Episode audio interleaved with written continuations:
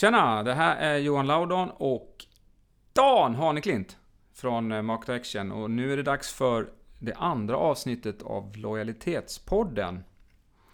Det första avsnittet, det handlar ju om vad MPS är och, och, och om själva metoden. Eh, men den här gången i det här avsnittet så ska vi diskutera om hur man faktiskt kommer igång med att mäta NPS och att jobba med metoden.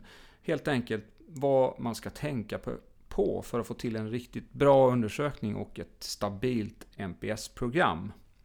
Hur, hur har reaktionerna sett ut på det första avsnittet som vi gjorde? Har du fått mycket feedback Ja men det är ju kul. Först eh, såklart från de nära och kära. Men sen har jag börjat droppa in en hel del kommentarer för de som vi vet gillar oss och som, som har lyssnat på, på första eh, avsnittet. Så att det, det känns kul. Vi har fått lite vi har fått lite blodad tand, så skulle man kunna säga. Du, du var ju väldigt nöjd kändes det som efter första avsnittet. Ja, men jag, jag, jag nöjer mig med det lilla. det är bra. ja, men det var ja. roligt. Det var kul. Ja, det var det. Ja. Eh, det här då, det här avsnittet, eh, så kommer vi som vanligt eh, att försöka dela med oss, eller vi kommer inte försöka, vi kommer göra det. Vi kommer dela med oss av det här materialet som vi kommer diskutera i programmet. Eh, helt enkelt en en, ett utkast till en eh, programplan som vi tror att du kan ha grym nytta av i eh, ett NPS-arbete. Och vad hittar man det då? Lojalitetspodden.se såklart. Där hittar man Rätt massa, svar. massa godbitar. Härligt. Yes, kundlojalitet handlar ju om starka kundupplevelser som vi vet. Och eh, vi lanserade ju en, eh, ett inslag, ett stående inslag i förra eh, avsnittet som vi kallar för flipp eller flopp. Mm. Eh, som ju bygger på att eh, folk vi eh, känner eller stöter på delar med sig av positiva eller negativa kundupplevelser. Och det där tänkte vi fortsätta med förstås då. då. Förra avsnittet, ni som lyssnar vet att vi ringde upp Pernilla som delar med sig av en riktigt positiv upplevelse. Och den här gången siktar vi väl kanske på en, en flopp. En flopp istället. Ja. Men eh, ja, vi ska hitta någon gynnare som vi ska ringa upp helt enkelt som får dela med sig. Vi får se vem det blir lite ja. längre fram. Ja, precis. Men hör du, eh, vi, eh, vi, vi kör väl igång nu va, med, med andra avsnittet? Ja, men absolut. Det, ja. det är väl, det, då kommer det väl en jingel? Ja, jingeldags. Här kommer den. Oj.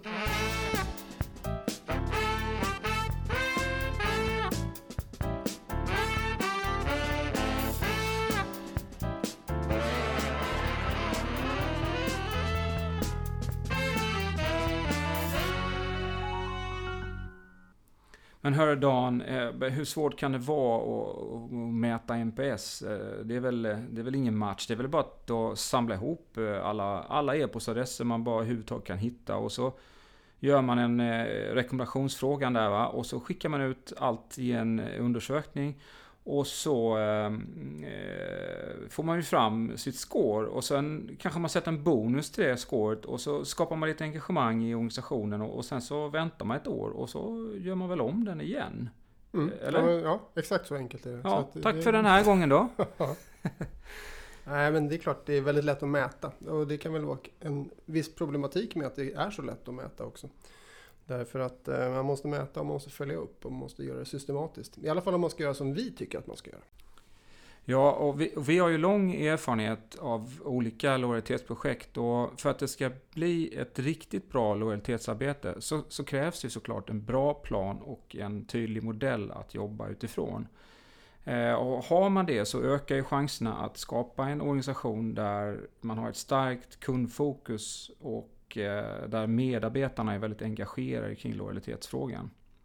Så att vi har ju tagit fram en modell som då är baserad såklart på NPS-metoden. Och den består av ett antal olika delar. Ska vi beskriva vår eh, modell som vi har då, då, när vi jobbar med NPS och kundlojalitetsprojekt. Och det finns, som, som vi sa tidigare, så finns det material kring det här på, på lojalitetspodden.se lite bilder och sådär som kanske underlättar lite. Det är svårt att prata bildspråk i radio för det här ja, är ju radio trots allt. Ja.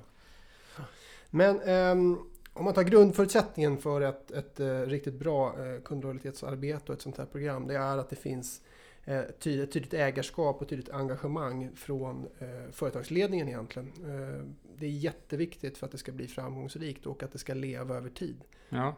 Ja men det är ju så såklart. När man börjar med ett förändringsarbete så kommer det på ett eller annat sätt innebära att det måste skjutas till resurser. Och då måste det finnas eh, underlag för det och att det är, det finns ett commitment helt enkelt att putta till de resurser som krävs. Så ni som sitter som ansvariga för eh, kundlojalitetsfrågan eller NPS i organisationen. Det är ett starkt råd såklart från vår sida. Det är att se till att var tydliga med att ni behöver ordentligt stöd eh, från era chefer och ledare inom organisationen för att kunna driva det här på ett effektivt sätt. Så det är en grundförutsättning. Men sen har vi en massa andra block i vår modell som vi eh, eh, ska snacka om. Eh, det man börjar med oftast, eller som vi börjar med, det är en programplan och den ska vi prata mycket mer om lite senare. Men det är också viktigt att redan från början diskutera organisation. Eh, vad menar vi med det Johan?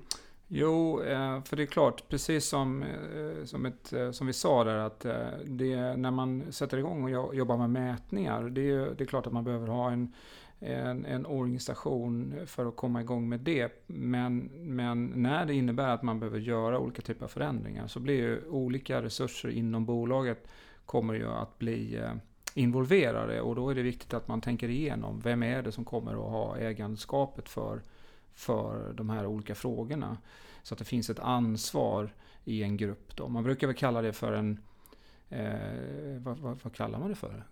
Ja, du tänker på cross-functional team? Just det, cross-functional team. Det är ju helt enkelt en, en grupp då som består av olika resurser. Det brukar ju naturligtvis vara någon från marknad och support är nästan alltid med i de där grupperna. Och det är beroende lite grann på vad, vad man har för förutsättningar och hur det ser ut i ens egen organisation. Men en tydlig, en tydlig grupp som eh, jobbar med eh, de här frågorna, det, det behöver man ha på plats. Och det behöver man ha tänkt på innan. Det blir ju en direkt effekt av att man börjar mäta, framförallt om man jobbar med det här med actionhantering redan från start. Det är att det helt plötsligt börjar flöda in massa, massa synpunkter från kunderna som man måste hantera på ett eller annat sätt om man ska göra det på, på ett bra sätt. Och utan organisation så går ju inte det. Nej, och eller sen, det blir inte bra i alla fall. Så, så det måste man tänka på innan man drar igång. Och sen så, så, så, när man har det på plats och har funderat kring det så handlar det också om hur man ska göra saker. Det måste finnas processer för hur, hur man ska göra. Som till exempel det här att följa upp sina detractors. Att ta kontakt med dem. Vem gör det och hur ska det gå till? Och det måste också finnas, finnas tydligt nedskrivet så att, så att alla vet vad som gäller i olika situationer. Så det finns en hel del processer som kommer till. Och det där är ju något som utvecklas också med tiden i sitt eh, NPS-program. Allt har man kanske inte på plats från början, men eh, många av de nödvändiga processerna måste man ha tänkt igenom ordentligt. Okej, okay, vad är det mer då? Då har vi gått igenom det är programplan, det är organisation, det är processer. Ja, men sen så uh, talar vi varmt om det här med att utbilda de som, uh, dels de som är inblandade i det direkta arbetet. Och när vi säger utbilda så menar vi utbilda i, i, i NPS och i kundlojalitet. Mm. Uh, och den närmsta gruppen måste ha, liksom, eller bör ha goda kunskaper i, i eh, och kundlojalitet. Men sen så, så, tycker vi också att man ska ta det vidare. För om man vill jobba med det här på riktigt då bör alla i organisationen eh, rätt bra koll på, eh, i alla fall grundläggande koll på NPS och, och kundlojalitetsarbete. Mm. Ja, men det, det, är ju så att om man Eh, om man eh, förstår vad det är som driver kundlojalitet och hur metoden är uppbyggd, då är det naturligt att, att, man, att det är lättare att ta till sig och förstå eh, när man ska göra olika typer av aktiviteter. Att man har, en, man har en helt enkelt ett bättre utgångsläge. Det blir lättare att få igång sin organisation om de, om de verkligen förstår vad, vad, vad det här handlar om. Det är något som ofta, man ofta missar, att man, att man tar lite för lätt på det. Och, och det, det behöver man jobba rätt så eh, löpande med, eh, det här med att utbilda. Så det är viktigt. Ja, och utbildningen skapar engagemang kan man ju säga. För när man börjar eh, förstå eh, metoden och man också förstår vad det är som, som man själv, varje enskild medarbetare kan påverka för att påverka kundlojaliteten så skapas det engagemang i organisationen. Där ser vi igång gång efter gång i våra projekt som vi jobbar med. Mm. Att det, det, det, det, blir riktigt roligt när man vet att om jag, om jag beter mig på ett visst sätt eller om jag gör vissa saker så kommer det få effekt på, på kundernas lojalitet. Mm. Så engagemanget är ju naturligtvis viktigt. Det är ju, det är ju en effekt av, av mycket man gör. Men sen är det också så här när man startar igång ett program så är det ju naturligtvis så att Eh, det, finns, det finns de som, är, som tycker det, det här kommer vara superkul och, och andra som tycker att det känns mindre roligt att börja med ett NPS-program. Då är det fiffigt att försöka engagera de som verkligen är ambassadörer för, för, för själva metoden. Det kommer också underlätta väldigt mycket att man liksom försöker att utnyttja de som verkligen känner mycket för det här från start. För det kommer alltid krävas eh, eldsjälar internt för att driva på. Ja, sen så är det ju massa eh, saker som är kopplat till själva mätningarna som man måste också fundera över och eh, som vi har med i vår modell. Då. Det är ju dels mätningarna hur de ska gå till, eh, frekvens och vilka man ska skicka till och hur ofta och, och sådär. Eh, det bestämmer man ju ofta från start. Och, ja, det är väl en del i den här programplanen som vi kommer att diskutera exakt, här, här och sen, sen, testar man sig fram så att det där eh, och fila på det längs vägen. Men eh, sen är det också redan från start viktigt att fundera lite kring, kring analysen, hur den ska gå till eh, när man ska analysera. Eh, ja, vem som ska ha resultatet och vad, vad, vad man ska använda resultatet till. Exakt. Och sen hade vi det här med actionhantering som vi pratade om som är en direkt följd av att man börjar mäta. Om man nu jobbar med, med direkt uppföljning på, på undersökningarna. Och, du menar med på de som har svarat negativt att man Exakt. Eh, kontaktar dem? Ja, ja, precis. Så det måste man vara förberedd på och, och, eh, redan från start helt enkelt. Och sen finns det ju en fjärde del som kanske som vi brukar benämna som ambassadörsprogram. Eh, mm, och det kanske det. man inte alltid har med från start men man bör ha, i alla fall ha en idé om hur man ska jobba med sina ambassadörer och vad man ska göra, av, eh, Eh, göra med dem helt enkelt. För där går det, det finns otrolig kraft i att jobba aktivt med, med sina ambassadörer. Mm, ja, men det, det, det naturliga är att man fokuserar till start på, på det som på de som är negativa och försöka förbättra den kundupplevelsen. Men, men eh, i ambassadörerna finns det ju, det vet vi ju, det finns en otrolig kraft i det. Så att det, det gäller att ta vara på det. Men man kan inte göra allting på en gång utan eh, man får ta det i, i pö om pö. Men summa summarum är att eh, ha en ordentlig modell, eh, följa den eh, på ett strukturerat sätt. Det kommer underlätta otroligt mycket när det handlar om att eh, förbättra kundupplevelser och driva på en förändring. Alright.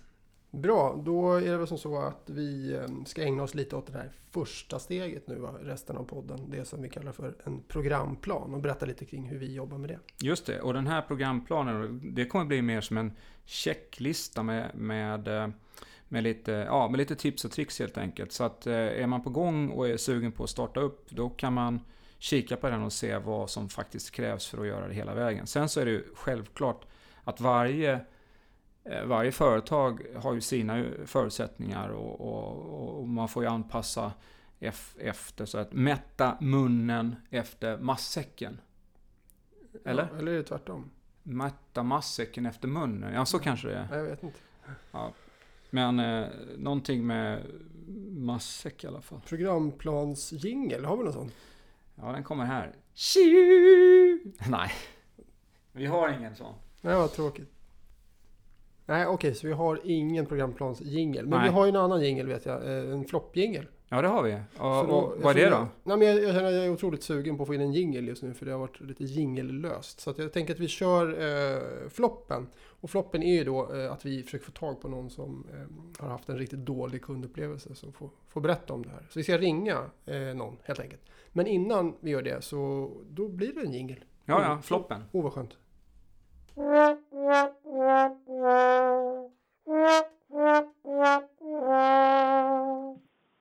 Hallå ja? Hallå ja? Är det Stefan Holm? Det är Stefan Holm. Härligt. Det här är Johan Lauron ifrån Lojalitetspodden. Hej Johan. Hej. Hej. Hörru, du hade ju eh, skickat in en, en liten flopp här från, eh, till, till oss på Lojalitetspodden. Ja, men precis, eh, precis. Ja, och då blev vi, då, då, då blev vi väldigt eh, glada. Så, vi, så först så tänkte vi att eh, eh, tänk om det är höjdhopparen, men det, men det är det ju inte. Nej, nej, men han är ju bra på att floppa annars. ja, exakt. exakt. Ja, nej, det är det. Men hör du, eh, ja. då är det så här att eh, jag tänkte så att du skulle helt enkelt få berätta eh, lite grann om din flopp lite kort och eh, vad du var med om. Så, så kommer jag ställa lite frågor runt det. Och ja. så får vi se var det landar helt enkelt. Ja. Vad tror du om det? Ja, det låter jättebra. Ja. Kan du bara kort eh, redogöra för den där floppen? Ja, men precis. Det här är ju ett eh, renoveringsprojekt Aj, hemma aj, aj. i villan. Ja, precis. Eh, jag går inte in i detalj på vad vi skulle göra, men vi skulle kort och gott renovera en del hemma. Jag tog in lite olika offerter, fattade tycke för en väldigt bra byggkille då. Eh, Mm. Och han var egentligen inte billigast, men eh, fick bra förtroende. Han hade gjort eh, liknande case eller gig Hade, tidigare. hade du fått, hade, hade du, det var ingen, var inte, nå- det var inte någon som du hade fått någon rekommendation om? Jo, Utan- precis. Det hade det jo, också? dessutom det. Ja, exakt. Dessutom var det på All right. rekommendation. Och jag hade sett det arbetet och det såg ju väldigt bra ut då. Mm. Eh, så till saken hör egentligen då att själva arbetet utfördes superbra. Han var kreativ, lyhörd, kom med egna idéer. Eh, utförde liksom hantverket på ett väldigt, väldigt bra sätt. Höll tidplan, allt det där var frid och fröjd. Och det är väl inte så, det är väl inte heller så himla vanligt i den branschen. Det är i alla fall det man ofta hör att liksom, man kommer och lägger sina verktyg och sen så, ja, kommer de lite när som de vill och sådär. Men, men det gjorde inte han då? Nej, nej, vi Nej. väldigt nöjda. Ja, det är- Nu har inte jag så jättemycket erfarenhet. Det här var den, den enda stora renoveringen vi har gjort. Äh, ja. Men så att det funkade väldigt, väldigt bra. Vi var supernöjda han var jättetrevlig och sådär. Ja. Eh, till saken kommer då att jag jobbar hemma då ibland sådär, typ någon fredag eller någon måndag sådär. Så att när Ja. vi väl får fakturan när arbetet är avslutat så är den betydligt, betydligt högre än det han offererade. Aj då. Eh, ja, så att jag började ju ifrågasätta såklart. Oj, hur kunde det bli så här mycket dyrare? Och då visade han en specifikation på hur mycket tid han hade lagt. Och vilka dagar han hade varit hos oss och sådär. Eh, och då kollade jag upp en av de där dagarna där det stod att han hade varit hos oss i åtta timmar. Där jag mycket riktigt hade jobbat hemma och vet att han inte var där. För jag jobbade inte Mhm. hemma när han var på plats. Så att då ifrågasatte jag det saltat lite då kanske, eller har han gjort ett misstag eller? Ja, oklart. Enligt honom så hade han gjort ett misstag. Eh, oj, förlåt. Jag trodde jag var hos er, men då var jag ju tydligen inte det. Men då blir man ju såklart ifrågasättande till hela tidsredovisningen och om man har koll på hur många timmar han egentligen hade lagt och var han hade varit och sådär. Så att, eh, det hela slutar ju med att från väldigt nöjd kund, väldigt högt förtroende, jag hade dessutom re- rekommenderat honom vidare till att ja, det blev ett ifrågasättande såklart kring eh, eh, ja, hela hans tidsupplägg. Men, men löste det sig sen? Fick du, fick du betala eh, allt eller vi gjorde något, något avdrag eller hur? Ja, vi gjorde ett avdrag. Men det slutade ju med att vi inte var helt överens i alla fall och att eh, vi möttes någonstans, du vet, halvvägs och jag Ja, ändå okej. kände mig missnöjd trots att arbetet var väldigt väl utfört. Och jag hade behövt göra mer grejer också sen där jag hade tänkt att anlita honom. Ja, ja. Och, så, och, och, och det där är ju, det där är ju väldigt intressant för att eh, eh, du har ju haft en, en riktigt bra upplevelse eh, och varit nöjd i stort sett hela resan. Och sen så händer Ja. det här och så vänds allting eh, till, till, någon, till en sur upplevelse. Så, men då har du inte kunnat rekommendera honom vidare då? Nej, nej det har jag Nej, inte. nej, det vågar man ju inte riktigt då. Men de som Nej. du rekommenderar till där då, gjorde han jobb där också då eller? Eh, Du sa att du rekommenderade innan han, innan han, eh, innan det där med fakture- faktureringen och det var avklarat. Jag hade fått honom på rekommendation innan. eh, Aha, okej. Av ja, andra ja. som hade anlitat honom då. Så det var därför jag tog in honom från första början. Tack Men du, hur, hur länge sedan är detta? Är det länge sedan det här hände eller? Eh, två, tre år sedan. någonting. Två, tre år sedan, ja. Ja, du vet. Och sen, eh, eh, och har du berättat det för, har du berättat det för andra förutom, förutom till oss lojalitetsborden? Ja, absolut. Så är det. Ja. Så det är ju sånt där som kanske kommer upp när man sitter och snackar över middagar och så börjar man prata om, om renoveringar Ja, absolut. Ja, så är det ju. Jag har ju fått frågan från andra om jag har något bra att rekommendera och det finns ju folk som frågar och det här var- vart ju fint den här renoveringen. Vem gjorde det här? Kan du rekommendera vidare? Och då blir det ju nej. Hantverksmässigt ja, men inte utifrån eh, ja, från hur, hur det landade i slutändan då. Ja, det är ju riktigt, riktigt synd. En duktig hantverkare som, som kanske missar lite jobb på det där då.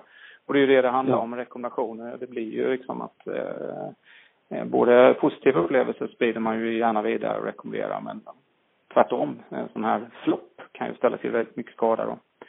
Men hör nej, du, ehm, vad var det jag tänkte på? Men hade han kunnat göra någonting då för att rädda den här situationen? Hade han kunnat han borde ha insett att det här, det här var galet och sen bara mött dig så som du ville då? Ja, hade det hjälpt? Ja, det är en bra, det är en bra fråga. Det, det, egentligen så slutade ju allt med att jag oavsett hade någon form av ifrågasättande kring eh, varför det här kostade som det kostade eftersom att jag jämförde det med hans ursprungsoffert. Där, mm. Därmed blev jag ifrågasättande kring den tid han uppgav att han hade lagt då, i mm. relation till att han då hade saltat det här lite extra i min ja, ja, Kanske det bara var så att det hade råkat smugit sig in en enda dag. I övrigt så var det verkligen den tid han spesade som, uh, som det handlade om. Men då hade det varit bra om han hade kommunicerat under projektets gång att det här blir extra tid. Ja, ja, ja. Eh, det här är mer än det ja, ni offererade. på det överhuvudtaget? Nej. Så din nej, utan han helt hade annat såklart. Ja, men han hade ju idéer och tankar vilket uppskattades på. Jag skulle kunna göra så här, jag skulle kunna göra så här. Men då hade vi kunnat vara bra och informera om fast det här är nog mer än den offert mm. jag skickade till er. Det här blir liksom en tilläggsgrej eh, jag gör så det kommer kosta mm. lite mer. Så att från offerten då till det det landade i vart det ungefär dubbelt så mycket. Och det är där man undrar någonstans, hur kunde det gå så här snabbt? Vad hände? Ja, för fasen. Ja, exakt. Ja, ja, men hör du, ähm, äh, men, men, men vad bra. Kul att du delar med dig. För det är just sånt här som, är, som vi äh, diskuterar kring i, äh, i äh, lojalitetspodden. Alltså vad, vad, är, vad, vad, får det här för effekter när man, när man inte liksom sköter sina kunder och kundkontakter hela vägen. Kundupplevelserna kan ställa till skada och de kan göra stor nytta. Så att det får ju ekonomiska effekter på, på liksom, för företagen. Så det är guld. Jag tackar ja. så hemskt mycket Stefan och eh, ja. ha, det, ha det så bra och så får du uh, lyssna vidare på podden. Det ska jag göra. Tack detsamma. Ha det. Tack. Hej. Ja, hej.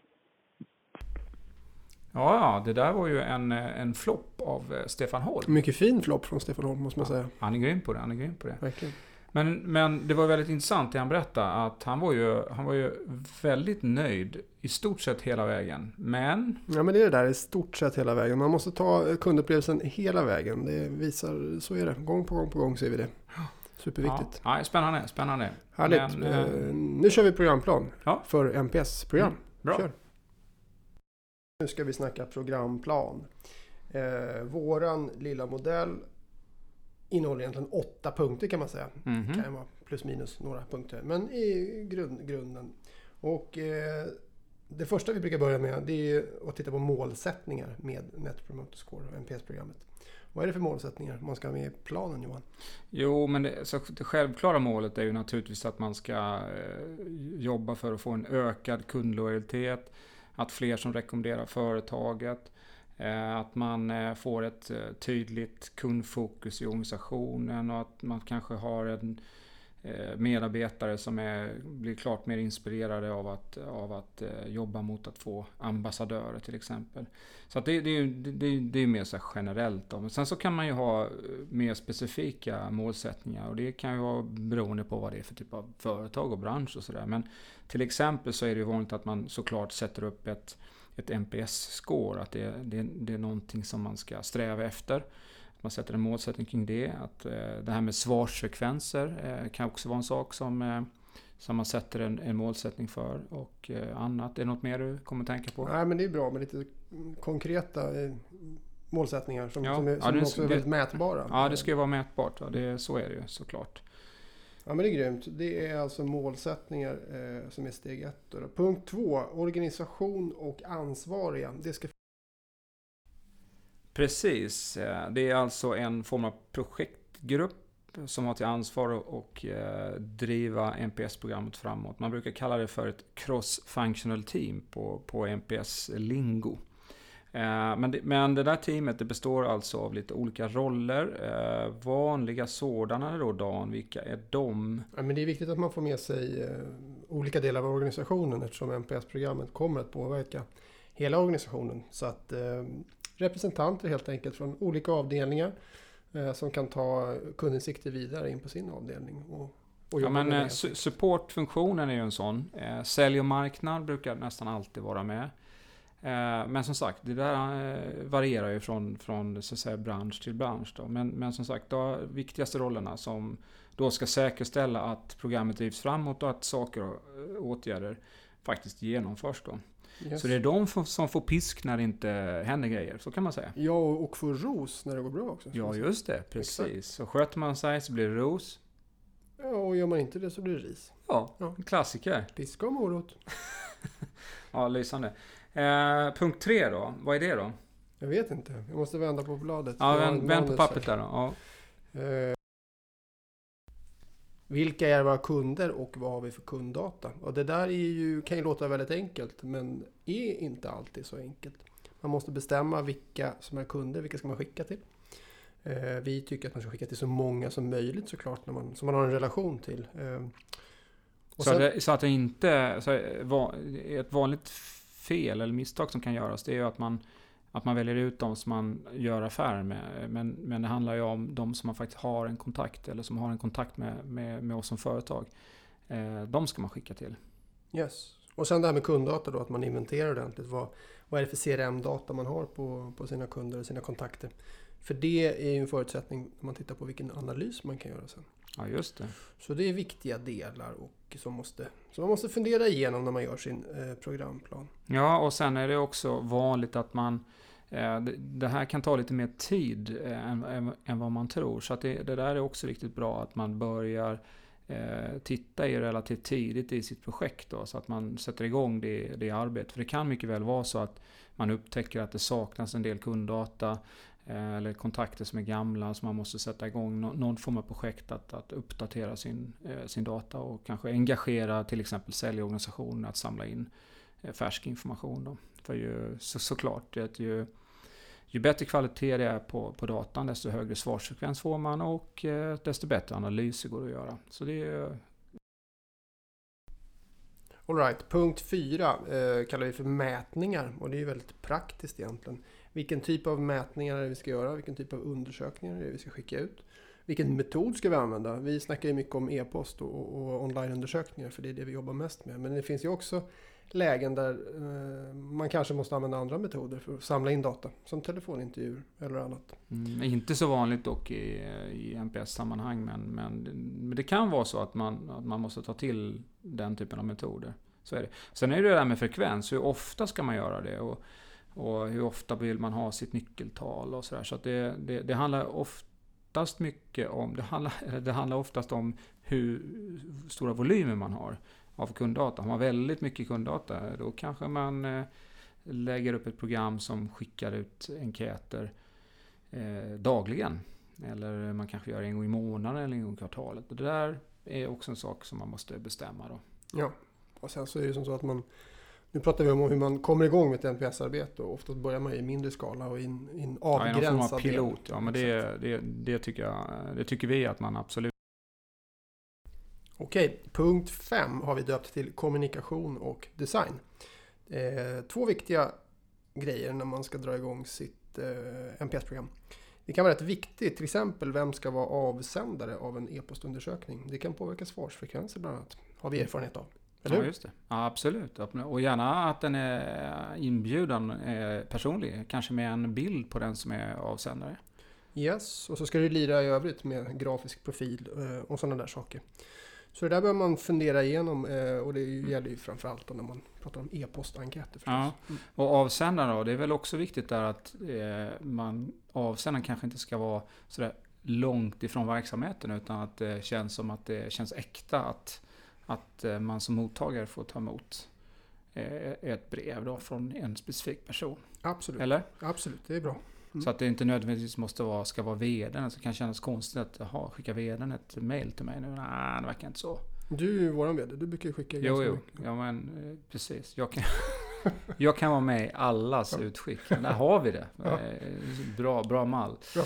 Nej, men skämt åsido. Eh, Sen, sen är det såklart viktigt också att eh, man informerar i breven om vad man har tänkt att göra med, med datan. Om den ska vara anonym eller icke anonym.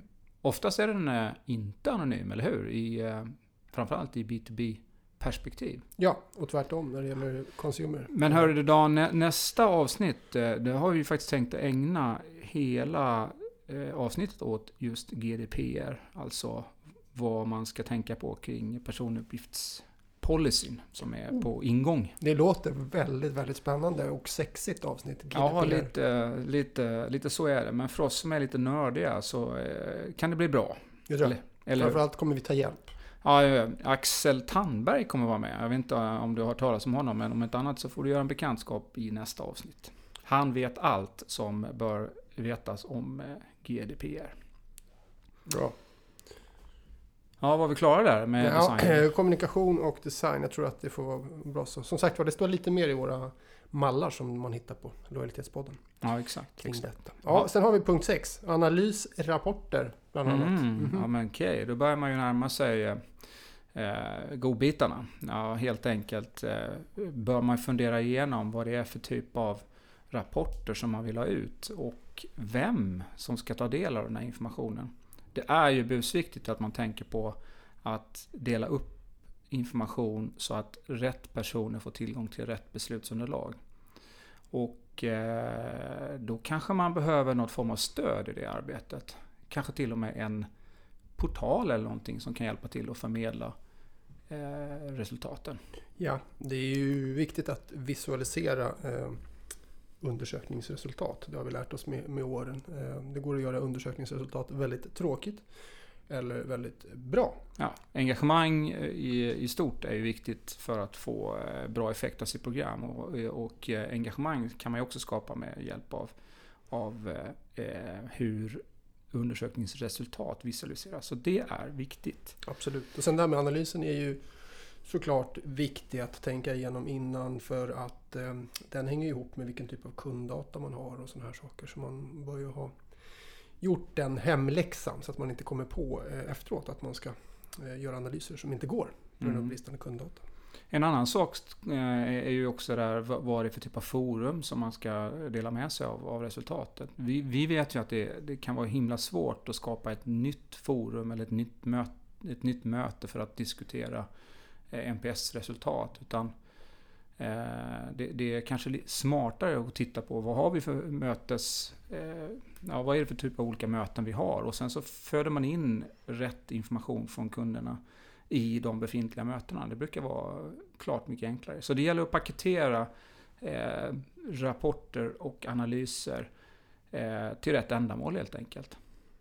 Vad tror du om det? Absolut, absolut. Ja, bra. Det, vi har nästa punkt. Punkt 7 i vår programplan. Nu, nu, eh, Nu har du bråttom hem. Ja, men nu är det så här va. Då kommer vi till kanske det, det roligaste när man drar igång. Och det är ju actionhanteringen. Just det. Om man inte har jobbat med det innan eller tidigare så kommer man att tycka det är väldigt spännande. Det brukar de flesta tycka i alla fall. Och det funkar ju så att om man har actionhantering eh, i en undersökning så, så får man ju direkt eh, eh, feedback från kunderna. Eller det får man ju. Och sen har man då möjlighet att kontakta eh, kunderna direkt då, eh, i samband med, med undersökningen. Och det här måste man fundera, verkligen fundera igenom hur, Mm. hur, hur man ska göra så att det löper på ett bra sätt helt enkelt. Just det, ja precis. För att det, det är liksom, eh, när det ska göras och vem, vem, vem det är som ska genomföra det och på vilket sätt. Det, man måste diskutera igenom. Alltså hur, hur gör vi när vi tar kontakt med kunderna? Vad säger vi för någonting? Till exempel så ska vi ju inte återkoppla till ett specifikt score och fråga varför kunderna har gett just det scoret. Utan det får vara lite mer allmänt hållen återkoppling. Men syftet är ju helt enkelt att försöka identifiera vad är det som ligger bakom ett eh, ett, eh, ett negativt svar och försöka vända det. Så det måste man absolut eh, utbilda för och planera för och ha processer som stödjer det arbetet. Då. Eh, Och när man väl har det på plats då kommer det rulla på och eh, vår erfarenhet är också att eh, de som genomför det här kommer tycka att det är faktiskt kul och få möjligheten att ta kontakt. Det är en eh, omfattande programplan detta, men nu har vi äntligen kommit till sista punkten i våran lilla mall. Ja, i vårt förslag på en programplan i alla fall. Ni kanske har- vill lägga till några fler punkter, det vet man ju Det inte. får Men de det här inte, är de ska det. använda våran. Ja, de ska använda vår. Ja, det, och den finns att ladda ner, eller så var det ju. Så, yes. Punkt 8. Interna och eller externa resurser. Man måste fundera igenom eh, vad man har för interna resurser för att driva det här arbetet och om man ska ta hjälp med delar eller helhet av externa resurser. Jag vet att du gillar Johan att man använder konsulter för det här arbetet. Ja, precis. Jag har en för, förkärlek för konsulter. Framförallt för de som är, som är, är bra och erfarna. Resten kan kvitta. Nej, men, men det är ju faktiskt så att när, när, eh, när man börjar analysera sin, eh, sin data så kommer man garanterat hitta områden som man behöver lägga mer tid på. Man behöver göra någonting åt och det måste till resurser där. Eh, det kan vara svårt att eh, lura ut det innan man har startat naturligtvis, men man ska vara beredd för att det, det kommer krävas på ett eller annat sätt. Så att det kan vara fint att fundera igenom vad har vi för möjligheter. Härligt, det var våra åtta punkter och det borde innebära att vi börjar bli klara för idag, eller? Ja, det, det stämmer. Det stämmer. Um, ska vi, ja som sagt, vi får ju marknadsföra nästa avsnitt som då blir uh, uh, GDPR med Axel Tandberg. Ja, det blir spännande att vända på de stenarna. Det är många stenar som ska vändas på, ja. uh, som jag har förstått det. Så men det blir bra. Och som sagt var, eh, vårt förslag och vår lilla mall då till en programplan, den, den finns ju på lojalitetspodden.se. Just det, kommer det är bara att ladda ner. Och gratis också. Mm, there is no such thing. okay. jo, då, den är gratis. Bara gå in och ladda ner den. Alright, ha bra. det så bra. Vi ses nästa gång. Tack Ciao.